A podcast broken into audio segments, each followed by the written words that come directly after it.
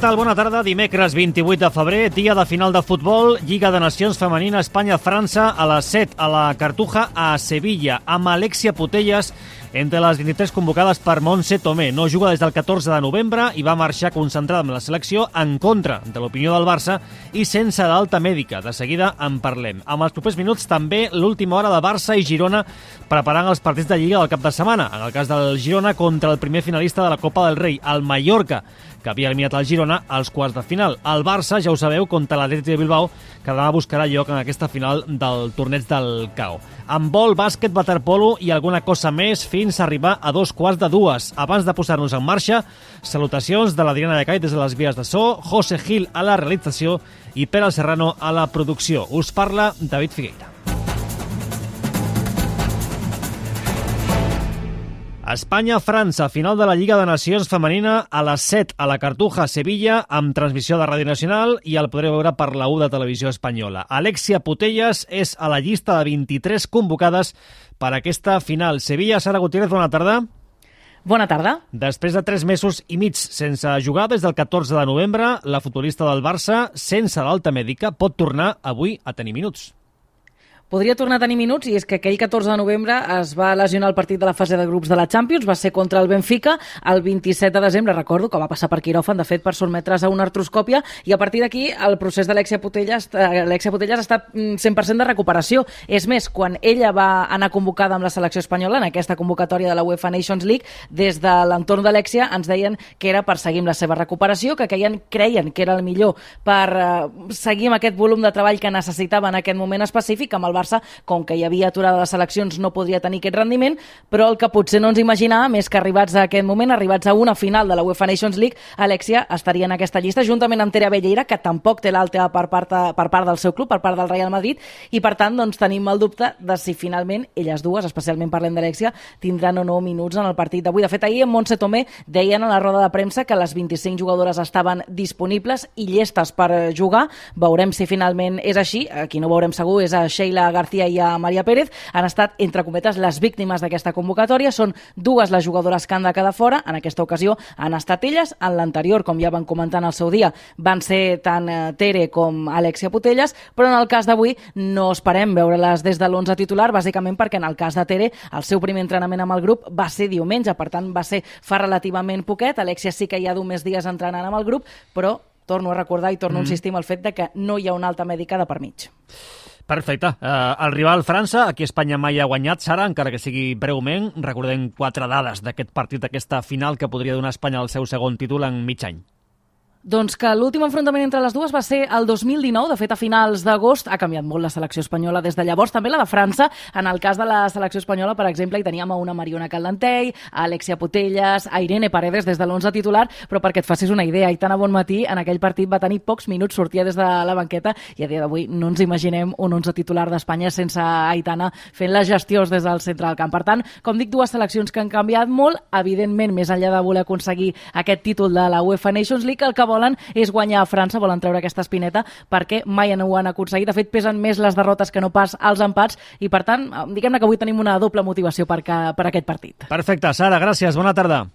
Bona tarda. I recuperem un extracte de la conversa de la Sara ahir, a la prèvia de la final, amb Jenny Hermoso. Y Francia siempre ha sido un equipo que nos ha costado muchísimo, eh, nunca les hemos ganado, va a ser un partido que que las dos selecciones han cambiado muchísimo. Nosotros hemos sido campeonas del mundo, hemos trabajado mucho. Eh, pienso que jugamos un juego eh, muy bonito, que jugamos un juego que gusta, que, que la jugadora que, que, que, está en el campo lo siente.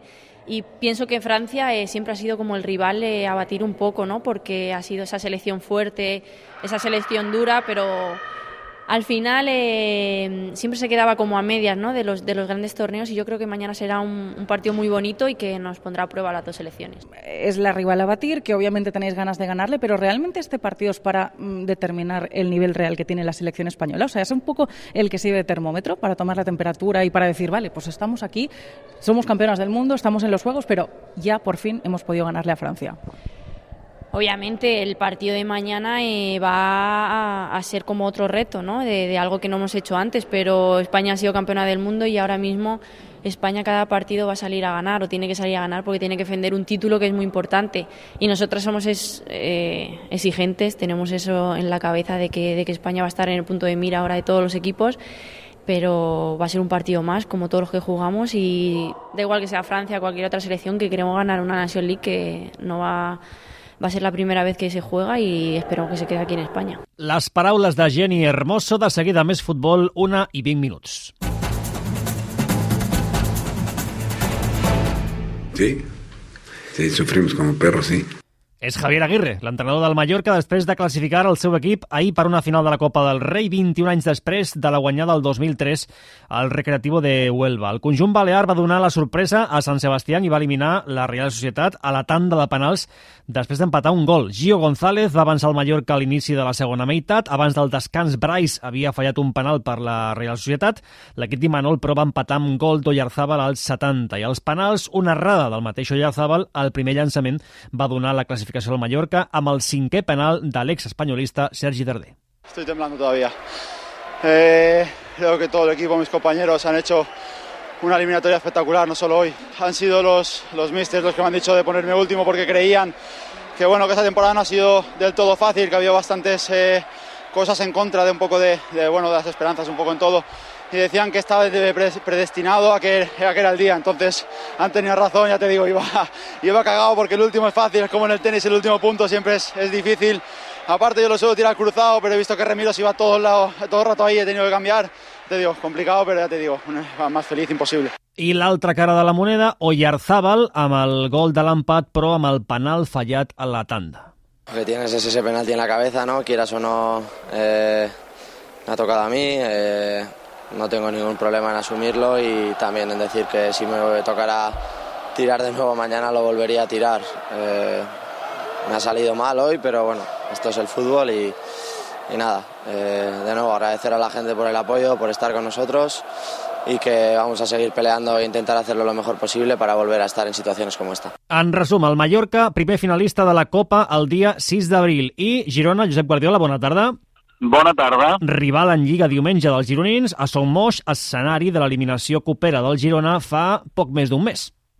Sí, la Copa va posar punt final pel Girona, precisament com tu dius, a Som Moix, i fa la sensació que Som Moix és el punt de partida de la recta final d'aquest Girona, i hem anat explicant aquests dos últims dies que els 10 punts oberts sobre l'Atlètic Club de Bilbao obren aquesta recta per aconseguir la plaça de Champions, i per tant, segur que avui també hi ha qui deu pensar què hagués succeït aquell dia a la tarda de Copa si no s'hagués tingut un mal dia. Potser ara el Girona estaria també la final de Copa. Però, en fi, aquests són números que en futbol no es poden fer mai i el cert és que diumenge arriba una de les primeres revàlides, ja com dèiem, d'aquesta recta final per un eh, Girona que va embalat cap a la Champions. En tot cas, deixem que rebobin una mica, David, sí. perquè del partit de dilluns n'ha quedat una cosa que jo crec que ha passat un pèl desapercebuda, i és que un cop acabat el partit amb el 3 a 0 i amb els dos gols de Savinho, el 90 i el 95, el brasiler apareixia davant de les càmeres de televisió. Després ho feia també Michel Sánchez, i el tècnic del Girona li preguntaven diverses coses, però sobretot si tindria Savinho l'any que ve per jugar a la Champions, si és que finalment s'acaben classificant. No sé si perquè a Mitchell no se li va encendre prou la bombeta mm. o perquè la tenia del tot encesa i volia dir el que va dir, però Mitchell va assegurar que l'any que ve seguirà a Girona. Yo seguro que sí y él espero que, que también podamos disfrutar. Eh, es un jugador que ahora mismo está cedido, pero él también tiene en su cabeza que que su formación le hace que un año más aquí le vendría muy bien. Ojalá, ojalá lo podamos, lo podamos disfrutar nosotros. El jo seguro que sí, d'aquest dilluns ha deixat molt tranquil·la la parròquia gironina. Per cert, avui el club ha anunciat fa pocs minuts que s'han venut totes les entrades per al pròxim partit a casa davant de l'Ossassuna. Gràcies, Josep. Bona tarda.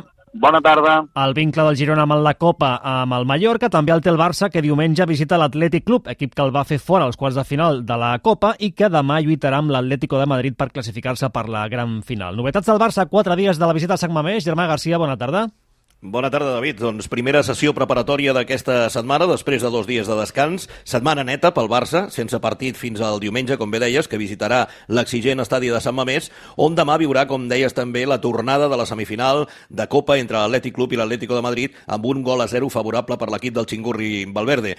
Un Barça que mm, tant ell com el, com el tècnic, com Xavi Hernández, estaran molt pendents del que passi demà en aquest partit. De cara a diumenge ja sabem que no hi seran eh, Nico Williams expulsat en el Benito Villamarín en l'última jornada, ni tampoc el central Dani Vivian per acumulació de targetes, i el Barça no podrà recuperar encara Ferran Torres perquè no es vol córrer en la seva recuperació, tampoc sembla que arribarà pel següent partit, que serà divendres dia 8 a Montjuïc contra el Mallorca, flamant finalista de Copa, però sí sembla que arribaria pel transcendental partit de tornada de vuitens de final a la Champions contra el Nàpols. Per tant, de cara a diumenge a Sant Mamés, les baixes segures són les dels quatre lesionats, Ferran Torres, Marcos Alonso, Valde i Gavi. El pla de treball per aquesta setmana, tots eh, els entrenaments seran a les 11 del matí, des d'avui mateix, dijous i divendres, i dissabte faran l'última sessió preparatòria en posterior conferència de premsa de Xavi a partir de la una del migdia. I deixa'm un últim apunt sí. per acabar, eh, David, eh, perquè ahir el president Joan Laporta va tenir un dia atapeït, pel matí fent la ponència al Mobile World Congress, acompanyat del, del secretari tècnic d'ECO i de la plana major de la directiva. En acabar l'acte va dir que ell pensa que encara hi ha lliga, es va mostrar molt optimista, i ja al vespre va tenir una reunió amb representants de Nike perquè en els últims mesos s'han mostrat molt preocupats davant els rumors que apunten a una possible desvinculació del Barça amb aquest patrocinador a final de temporada. Perfecte. Gràcies, Germà. Bona tarda. Bona tarda. Baixem un esglaó, segona divisió. Païda suposem l'eufòria de la victòria i Porua dissabte contra l'Eibar. Proper compromís de l'Espanyol aquest dissabte a casa contra l'Osca. Aquest matí, roda de premsa de Víctor Ruiz. Sant Adrià del Besòs. Josep Capel, bona tarda. Bona tarda, sí, ja ha dit eh, Víctor Ruiz en respecte a aquesta victòria que era molt buscada i necessitada, però que eh, en tot cas ha donat tranquil·litat, una tranquil·litat que han de continuar mantenint tot i l'eufòria després d'aquesta victòria eh, de cara als propers partits. Això és el que deia Víctor Ruiz. No, eh, debería o deberíamos entre todos eh, tranquilizar y, como decía antes, ¿no? Eh, esa euforia que pueda haber alrededor después de un resultado así. Eh, pues controlarla bien y sabiendo que, que, el sábado tenemos otro partido complicado eh, con un rival que viene de, de, una buena racha y que bueno que nos lo va a poner difícil seguro. I de cara a aquest partit, en David ha demanat al públic que els hi animi molt, molt, moltíssim, perquè diu que és poc agradable tenir el teu propi públic en contra quan juguen aquest tipus de partit. Gràcies, Josep. Una i 27 minuts de la tarda. Plana poliesportiva, amb vol, Àlex Carazo, bona tarda. Bona tarda. Demà Magdeburg-Barça lluita per la primera posició del grup i més coses. Sí, dia gran. Demà a Magdeburg, on el Barça buscarà, com deies, tancar la primera plaça del grup B, no la classificació perquè, tot i que la Federació Europea d'Handbol no ho dona encara per matemàtic, cap combinació de resultats en aquestes dues últimes jornades els podria deixar fora de les dues primeres posicions. Visiten la pista del Magdeburg, Butxí del Barça a les semifinals de la darrera Final Four de la Champions, el conjunt alemany sumava tres victòries seguides contra els blaugranes abans de visitar el Palau en aquesta fase de grups, el partit d'anar del mes de setembre, on el Barça va guanyar guanyar amb 12 gols d'avantatge 32 a 20. Carlos Ortega, entrenador del Barça. Más que la espinita clavada, yo creo por la entidad de los dos equipos, ¿no? Por la entidad de los equipos. Es, es el tipo, el, el, los típicos partidos que todo el mundo quiere jugar, ¿no? De lo mejorcito. Vespre, Magdeburgo, Barça, Kielce, Kiel, son los partidos que se pueden catalogar como top, top, top a nivel europeo y lógicamente este es uno de ellos, ¿no? Com dèiem, David, demà és la penúltima jornada de la fase de grups de la Champions que comença avui i aquest mat de Barça demà dimecres a tres quarts de nou. Gràcies, Àlex. Bona tarda. Bona tarda. Un apunt de bàsquet. L'Espart Girona ha anunciat el fitxatge de Lauren Nicholson, 31 anys, juga a la posició de l'E i arriba per suplir la baixa de llarga durada de Rebecca Gardner. Més coses després del Campionat d'Europa i també del Mundial. Tornen les lligues de waterpolo. Dos resultats d'ahir de la Lliga Femenina. Catalunya 7, Mataró 25 i Sabadell 16, Feliu 9. Avui, Etxell de Mediterrani a dos quarts d'onze de la nit. I a la Lliga masculina, avui dos partits, Barcelona-Mataró i Sabadell-Sant Feliu, tots dos a tres quarts de nou. I en tennis, el torneig de Santiago de Xile, Albert Ramos jugarà demà vuitens de final davant el mallorquí Jaume Munar, després de vèncer ahir el bolivià Hugo Delien per 6 a 3 i 6 a 2. És tot. Gràcies. Bona tarda.